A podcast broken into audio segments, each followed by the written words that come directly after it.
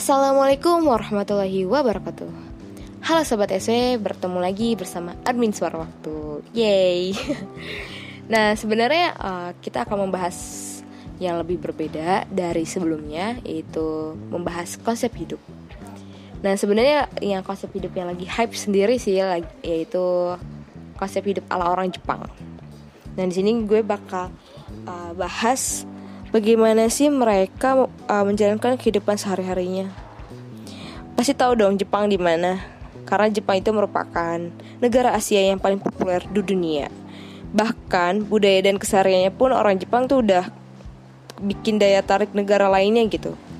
Dan banyak banget negara lain tuh kayak mengulas-mengulas bahkan menirukan seperti kayak budayanya ya.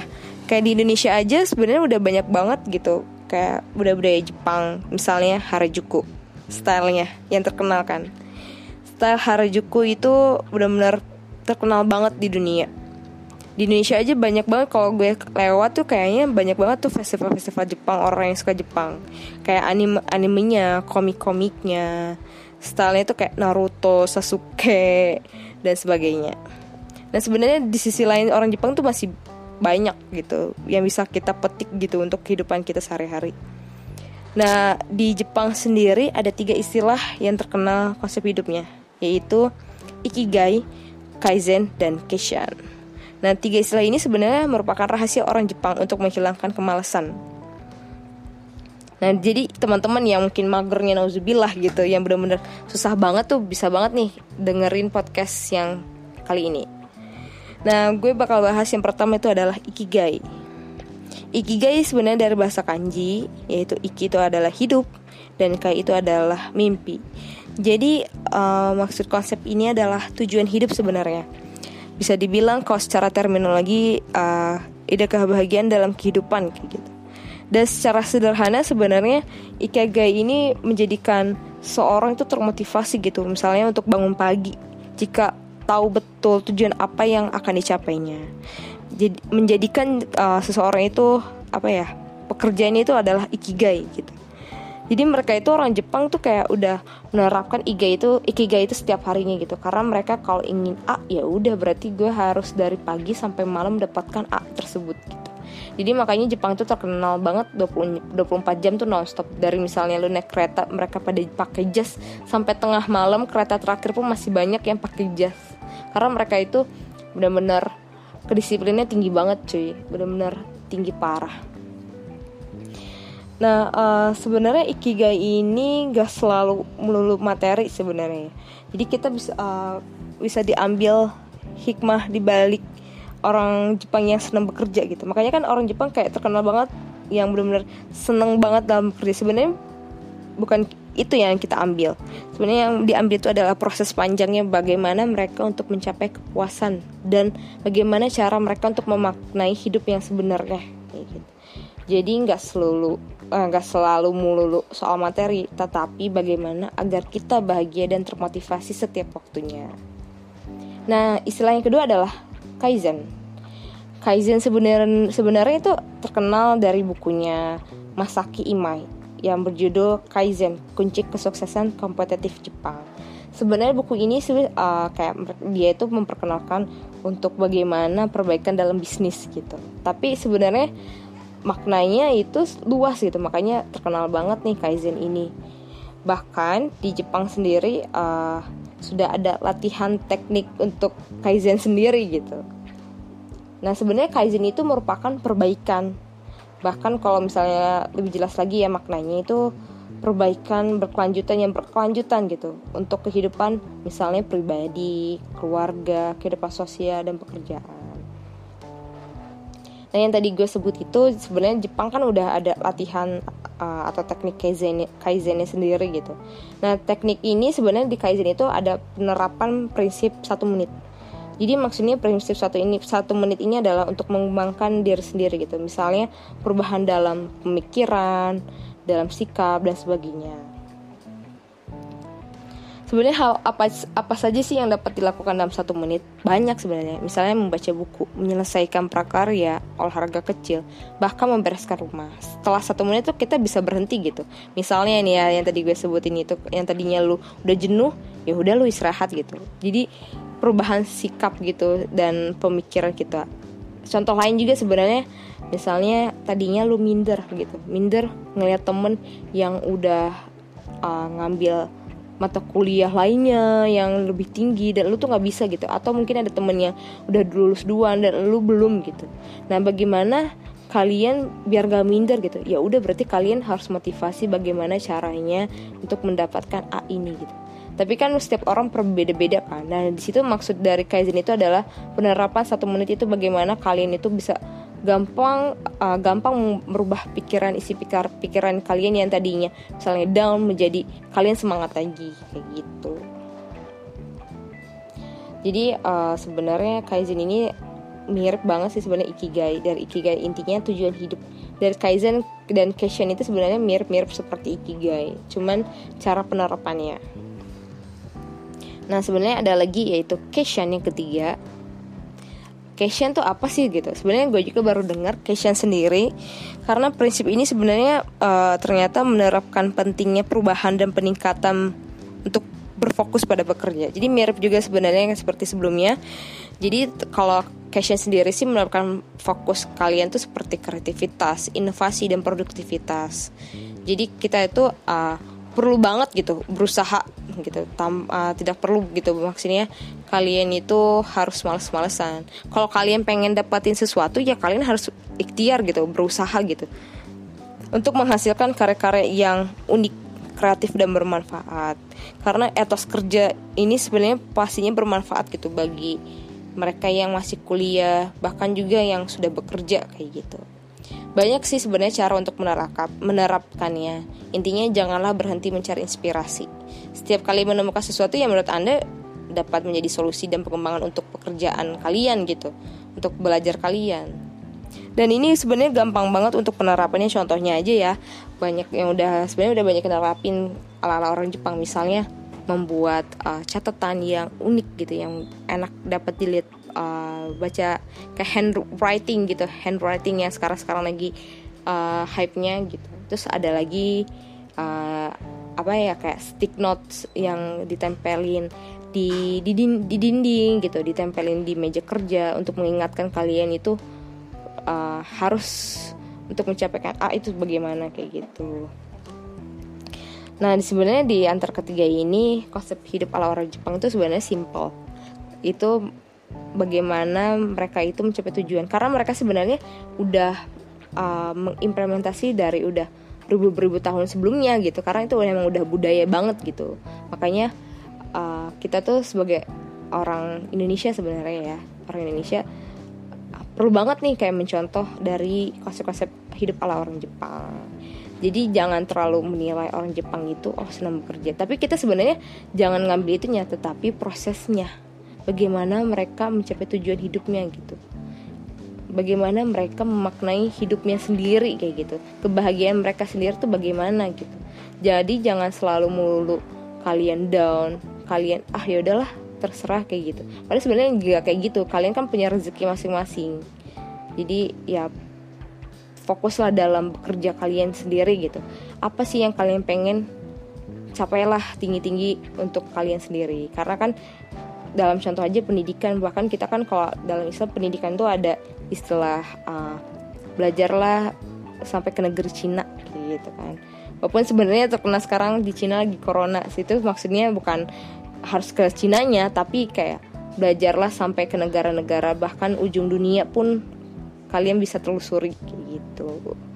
Nah, sebenarnya ada lain dari konsep hidup yang tiga ini yaitu minimalism. Apa sih itu minimalism? Sebenarnya minimalism itu merupakan uh, gaya hidup ala orang Jepang yang kalau lu butuh barang ya butuh barang yang lu perluin aja gitu.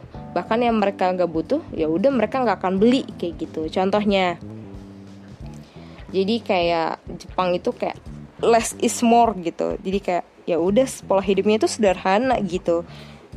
Sederhana banget sih sebenarnya. Makan tempat tidur mereka aja simple ya. Kayak bed cover yang dilipat gitu terus nanti ditaruh di atas lemari kayak gitu. Kalau kita kan tempat tidur ya udah gitu tempat tidur yang bener-bener kotak gitu kotak panjang kayak memenuhi tempat atau ruang. Jadi kelihatan kadang kelihatan sempit padahal kalau Jepang tuh enggak. Mereka tuh kayak lebih seneng uh, yang emperan kayak gitu dikasih bed cover yang lumayan tebel kayak gitu. Terus selimut yang tebel. Terus nanti dilipat lagi. Sebenarnya kebanyakan seperti walaupun sebenarnya ada yang sudah memakai kasur. Tapi lebih banyak mereka itu masih menerapkan seperti itu seperti ya budaya-budaya mereka yang jadulnya lah kayak gitu. Dan minimalism ini sebenarnya sudah terkenal di buku orang Jepang. Salah satu orang Jepang juga maksudnya di bukunya yaitu Goodbye Things. Hidup minimalis ala orang Jepang dan situ dia kayak menjelaskan perjalanan hidupnya sih sebenarnya. Nah gue sini akan membahas uh, sedikit uh, dari bukunya si Fumio Sasika ini. Bagaimana sih sorry Fumio Sasaki. Fumio Sasaki yang tadinya seorang maksimalis menjadi orang minimalism dia menjelaskan dulunya tuh waktu itu dia umur 35 tahun dan kebetulan masih lajang menempati sebuah apartemen selama 10 tahun dan kebetulan dia tinggal sana karena dia bekerja menjadi sebuah editor di salah satu penerbitan gitu. Dan dia menyadari gitu kalau apartemen itu penuh banget sama barang gitu. Bahkan kayak buku-bukunya tuh banyak banget gitu. Buku-bukunya ternyata sebenarnya sama dia baru baca hanya selembar dua lembar. Tapi ya udah gitu ditinggalin aja kayak gitu. Belum lagi kayak lemari pakaiannya yang benar-benar sesak banget gitu. Ya ternyata dia baru sebagian besar gitu yang baru ia kenakan nah selain itu apartemen itu kayak banyak banget gitu kayak benda-benda koleksi yang kegemarannya gitu. Tapi cuman kayak buat ditempelin doang gitu. Terus lama-lama dia kayak ngerasa iya gue nggak merasa bahagia gitu nggak merasa bahagia merasa hampa. Apalagi dia bertemu dengan temannya yang bisa dibilang sukses gitu ya kayak memiliki rumah mobil mewah istri cantik bayinya yang lucu. Dia tuh kayak berpikir gitu. Dia kayak bergumam uh, kenapa sih gitu uh, harus berbeda gitu? Padahal saat di kampus dahulu kami itu tidak jauh berbeda. Apa sih yang terjadi? Mengapa hidup kami bisa menjadi berbeda? Nah di situ dia kayak berpikir dia selalu membandingkan diri terus kan maksudnya. Dia kayak ngerasa kesal gitu. Kayak gak banyak yang bisa ia lakukan untuk mengubah keadaan. Akhirnya tuh ia hanya menghibur diri dengan minum-minum. Kan dari situ kan dia kayak boros juga iya gitu kan. Akhirnya uh, dia ngerasa ya udahlah uh, eh, gue harus pindah nih gitu. Nah di situ dia si berubah si Sasaki itu mulai berubah dan um, memutuskan pindah ke apartemen yang lebih murah. Dan kebetulan lebih murah biasa sewanya maksudnya. Tapi ternyata karena barangnya banyak proses pindahnya itu membuat tabungannya ludes guys gitu. Jadi kayak bolak balik mungkin ya bolak balik gitu pakai truk kayak gitu akhirnya dia habis gitu uangnya. Dia kayak berpikir ulang gitu tujuan hidupnya sebenarnya kayak gimana. Dia pengen bahagia gitu. Tapi kenapa sih selalu direpotkan gitu? Ternyata dia baru menyadari gitu. Yang bikin repot dia itu adalah barang-barangnya yang terlalu banyak gitu. Makanya dia uh, mulai dari situ dia berpikir untuk membuang barang-barangnya yang nggak diperluin lagi kayak gitu membuangnya jauh-jauau dan atau menjualnya kayak gitu. Dan situ Sasaki memahami gitu minimalism itu sebagai gaya hidup yang berarti gitu. Ketika kita mengurangi barang tuh kita kayak ngerasa hidup kita tuh lebih tenang bernafas lebih lega dan sebagainya. Dan dia juga menjelaskan bahwa orang Jepang tuh sudah menerapkan minimalis itu udah dari zaman dahulu gitu. Bahkan orang zaman dahulunya aja uh, baju kimono aja gitu kayak mempunyai cuman 2 sampai 3 kimono yang bersih gitu. Makanya orang Jepang dahulu tuh katanya berpergian tuh nggak pernah bawa banyak barang gitu. Walaupun sebenarnya uh, sebagian besar sih sebenarnya minimalisme udah diterapkan dari beberapa negara lain, bahkan beberapa orang mungkin di sekitar kita. Dan dia juga menyarankan dari bukunya itu bahwa uh, menjalani hidup itu menjalani hidup minimalisme itu membuat kita hemat apa adanya kayak gitu. Terus uh, menghilangkan kita dari lingkaran setan kata dia gitu. Karena maksudnya uh, lingkaran setan itu uh, jadi kayak kita bikin stres yang gak gak pasti gitu. Apa sih yang membuat kita stres stres sendirinya kayak gitu. Nah sebenarnya tips hidup minimalism itu gak hanya di Jepang sebenarnya. Sebenarnya maksudnya gak hanya di Jepang yang udah menerapkan beribu tahun ternyata dalam Islam pun sudah uh, ada gitu. Udah ada sejak zaman Rasulullah. Karena Rasulullah sendiri uh, sudah menerapkan hidup minimalis itu bagaimana. Bahkan dalam Al-Quran dan hadis pun sudah ada. Contohnya uh, dalam Al-Quran Quran, Quran surat Al-An'am 141 uh, menjelaskan bahwa dan janganlah kamu berlebihan. Sesungguhnya Allah itu nggak menyukai orang-orang yang berlebihan. Dan situ udah kelihatan maksudnya berlebihan itu dalam segi materi segi berbicara dan lain-lainnya gitu. Dan dalil hadis Rasulullah juga pernah berbicara dari hadis riwayat Tirmizi sebaik-sebaiknya perkara ialah yang paling sederhana. Makanya orang sederhana itu uh, bisa dibilang gaya hidup yang sehat yang sebenarnya kayak gitu. Jadi nggak hanya kita uh, gaya hidup yang wow biar kelihatan mewah. Sebenarnya gaya hidup sederhana itu malah menjadi kita hidup bahagia sebenarnya.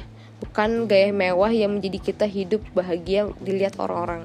Itu nggak nggak perlu banget sebenarnya nggak penting banget parah.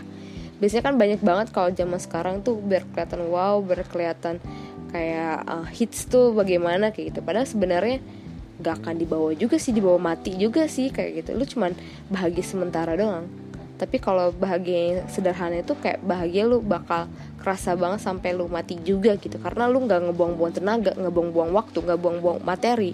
Lu tuh kayak bener-bener uh, menjaga apa ya rezeki lu gitu buat lu nantinya gitu. Misalnya dalam hidup sederhana kan lu juga harus berbagi sama orang gitu. Dan situ kayak kebahagiaan yang semestinya itu seperti itu kayak gitu.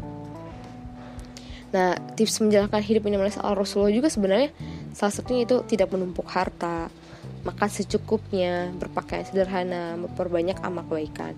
Nah dari situ kita bisa ngelihat nih, makan secukupnya dan berpakaian sederhana. Dari makan secukupnya aja kita udah oh iya, iya kita berpikir kita makan tadi udah berapa kali nih sehari lima kali.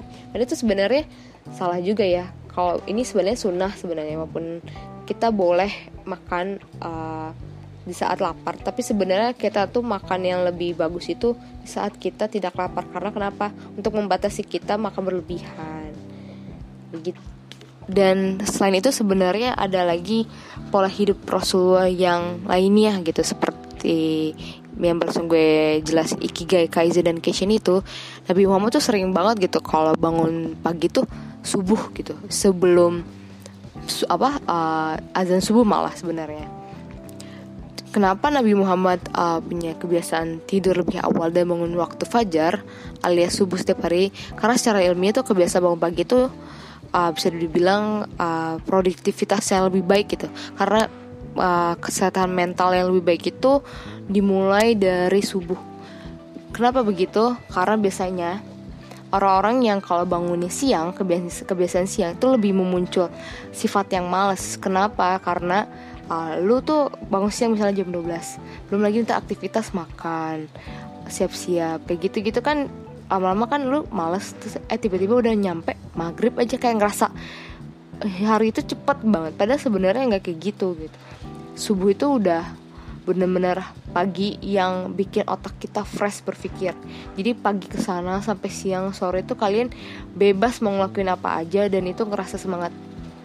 Dan baru malam itu kalian istirahat full itu sebenarnya yang dilakukan Nabi Muhammad SAW. Selain itu tadi yang tidak makan berlebihan, makan pelan-pelan, dan ada juga nih berpuasa. Nah berpuasa itu merupakan kebiasaan rutin yang menjadi pola hidup hemat juga, pola hidup sehat juga gitu. Karena kenapa di situ kita bisa uh, apa ya namanya uh, menghemat dari sisi uang gitu yang tadinya lo biasanya makan apa pun di situ lo berpuasa menahan untuk nah apa hawa nafsu kalian gitu. Dan selain itu aktivitas bergeraknya dan lain sebagainya. Islam tuh benar-benar indah banget karena kenapa? Kita tuh diatur dari awal pagi bangun sampai mau tidur lagi benar-benar terstruktur gitu. Bagaimana kita hidup sehat gitu. Hidup minimalism hidup bahagia itu sudah ada sebenarnya dari ajaran Islam tersendiri gitu. Makanya uh, buat teman-teman sebenarnya intinya kenapa gue ngasih tahu ini ingin berbagi aja sih yang pemahaman yang gue tahu mungkin ada koreksi-koreksi bisa juga di send voice yang di anchor gue nya atau bisa kirim chat juga atau DM di Miftahul Jan itu bebas kasih tahu aja kalau misalkan ada kurang soal penjelasan dan sebagainya. Mohon maaf apabila kesalahan yang gue ucap. Di sini uh, gue pengen mengingatkan bagaimana kita itu kalau hidup terlalu banyak mager tuh banyak banget uh, peluang yang kita buang juga sebenarnya. Jadi makanya gue ngasih tau ini sebenarnya ayo dong gitu kita semangat gitu untuk menjalankan hidupnya sebenarnya gitu apalagi kita yang sebagai muslim itu sudah ada sejak dari zaman dahulu yang dahulu kala kala kala zaman Islam baru berkembang tuh udah ada gitu yang diterapkan oleh Rasulullah sendiri. Itu benar-benar hidup sehat yang kayaknya kalau lu tahu pun uh, di dalam biologi pun emang seperti itu gitu. Jadi emang udah kebenarannya tuh real dan real banget faktanya dan mohon maaf bila apabila ada kesalahan. Sekali lagi wassalamualaikum warahmatullahi wabarakatuh. Bye bye sahabat SW